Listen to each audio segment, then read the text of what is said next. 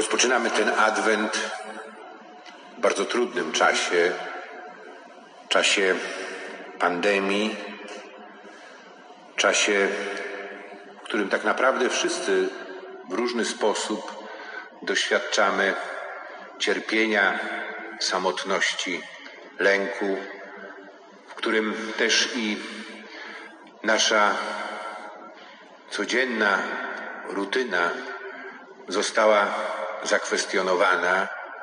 Nasze życie pełne jest y, ograniczeń, także i tych dotyczących y, naszego udziału w niedzielnej Eucharystii. Może w niej brać udział tylko niewielka grupa spośród tych, którzy, jak mam nadzieję, chcieliby tu być i wspólnie uczestniczyć i celebrować ten sakrament Bożej miłości. I Adwent, Adwent, który wszyscy powiedzą, to czas radosnego oczekiwania. Ale gdzie w nas ta radość i czy naprawdę w nas jest też i to oczekiwanie? Adwent pochodzi, sam termin, od łacińskiego słowa adventum, które jest imię słowem czasu przeszłego. Oznacza tego, który już przyszedł. Pan nie tylko nadejdzie z przyszłości, ale On już przyszedł, stał się jednym z nas, umarł, zmartwychwstał, jest z nami, troszczy się o nas, wychodzi na nasze poszukiwanie. Tak jak w pierwszym czytaniu słuchaliśmy proroka Izajasza, który w imieniu swojego ludu, który doświadcza udręki, ucisku, woła do Boga, to nie my mamy iść na poszukiwanie Boga, ale On przychodzi, aby nas odszukać i odnaleźć. Bóg, który jest, możemy powiedzieć, właśnie takim bezdomnym wędrowcem, który próbuje znaleźć swoje miejsce w domu naszego serca. I te słowa z dzisiejszej Ewangelii, które słuchaliśmy i które brzmią jeszcze przecież nam w uszach, uważajcie, czuwajcie, bądźcie uważni i czuwajcie, bo Pan przychodzi. Obudźcie się ze snu. Ten czas Adwentu to jest czas właśnie wołania o takie nasze przebudzenie. Bo ten czas ciemności, który przeżywamy, yy, i czas jednocześnie ciemność, noc to czas snu. W każdej kulturze yy, i w każdej religii yy, sen był kojarzony ze śmiercią. Ale dla nas, chrześcijan, śmierć, o której myślimy, to jest czas tak naprawdę przebudzenia. Święty Augustyn mówił o tym naszym życiu tutaj, że to tak naprawdę nie jest kraina żyjących, ale kraina snu. I z tego snu trzeba się obudzić. I być może ten czas, który przeżywamy i te wszystkie trudności, one są nam dane też i po to, aby nas obudzić i uwolnić od tej iluzji. Bo czym jest sen? Sen po pierwsze y, to jest y, takie doświadczenie, możemy powiedzieć, kiedy można przysnąć tylko na kilka minut i człowiek się budzi i zdaje sobie sprawę, że śniło mu się na przykład całe jego życie. To jest y, takie doświadczenie, ja w tym miesiącu celebrowałem pogrzeb mojego wuja w Gdańsku e, i potem rozmawiałem też i telefonicznie z moją ciocią i ona powiedziała do mnie coś takiego, mówi, wiesz, nawet sobie nie zdaliśmy sprawy, że to nasze życie właściwie minęło w mgnieniu oka. I to jest to nasze doświadczenie. Tego, że choćbyśmy żyli nawet i sto lat, to jest tylko bardzo krótki moment. Im starsi jesteśmy, tym bardziej tego doświadczamy, że ten czas zdaje się płynąć coraz szybciej. To jest bardzo krótki czas. I, i dalej też y, i sen z czym jest związany? Z pewną nierealnością. Bo być może my, kiedy śnimy, to w jakiś sposób y, też y, i rekompensujemy sobie nasze braki, niedole, niedostatki. Można być biedakiem, doświadczać głodu i kiedy człowiek zasypia, to wydaje mu się, że jest, nie wiem, milionerem, podróżuje po całym świecie, opływa w dostatki, ale wtedy, kiedy się budzi, na nowo jest biedny, głodny. I tak jest też i z nami, z naszym życiem. Że choćbyśmy nie wiadomo, Y, jakimi środkami dysponowali, jakieś osiągnięcia mieli w naszym życiu, to kiedy staniemy przed Panem, to okaże się, że jedyne to, co mamy, to jest to, co ofiarowaliśmy innym z miłości. Y, I sen ma jedną rzecz jeszcze taką, że my nie jesteśmy odpowiedzialni za to, co nam się śni i co robimy we śnie. Ale odpowiedzialni jesteśmy za to, co robimy z naszym życiem które zostało nam podarowane.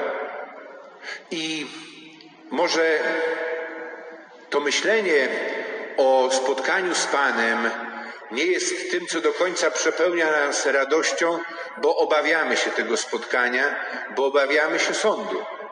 I my jesteśmy nauczeni, że jesteśmy w najprzeróżniejszy sposób osądzani przez innych, bliższych, dalszych nam ludzi, którzy niekoniecznie chcą dostrzec to, co w nas jest dobre, piękne, nasze intencje, tylko osądzają nasze upadki, naszą kruchość, czy nawet i przypisują nam e, rzeczy, których nie popełniliśmy.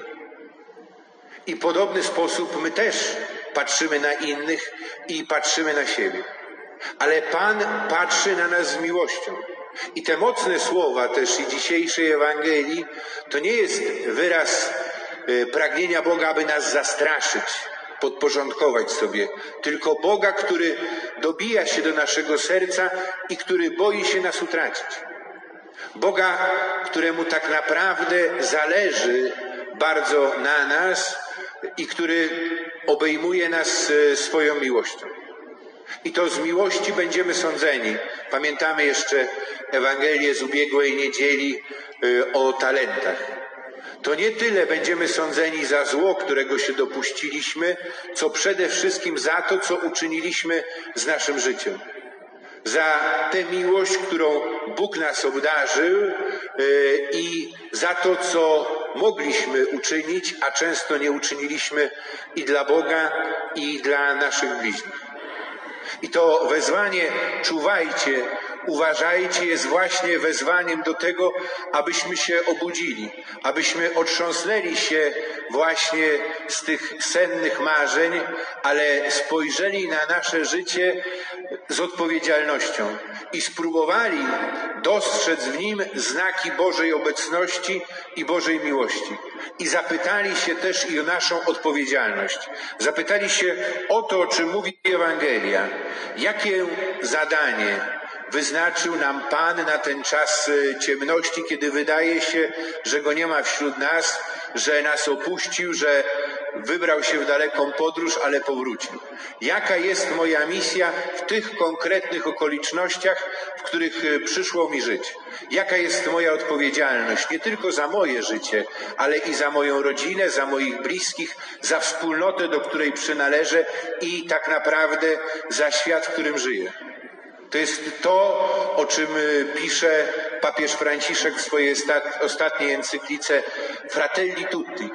Abyśmy odkryli, że tak naprawdę podejmując wysiłek, aby wypatrywać i dostrzegać znaki Bożej obecności w świecie i otwierać nasze serce na Boga, jednocześnie nie możemy tego uczynić, nie otwierając naszego serca wzajemnie na siebie co wiąże się z ryzykiem tego, że ja odkrywam te miejsca, w których mogę być najboleśniej zraniony, ale jednocześnie nie mogę w inny sposób okazać miłości, odpowiedzieć na miłość Boga do mnie i okazać mojej troski, miłości w stosunku do mojego brata i do mojej siostry.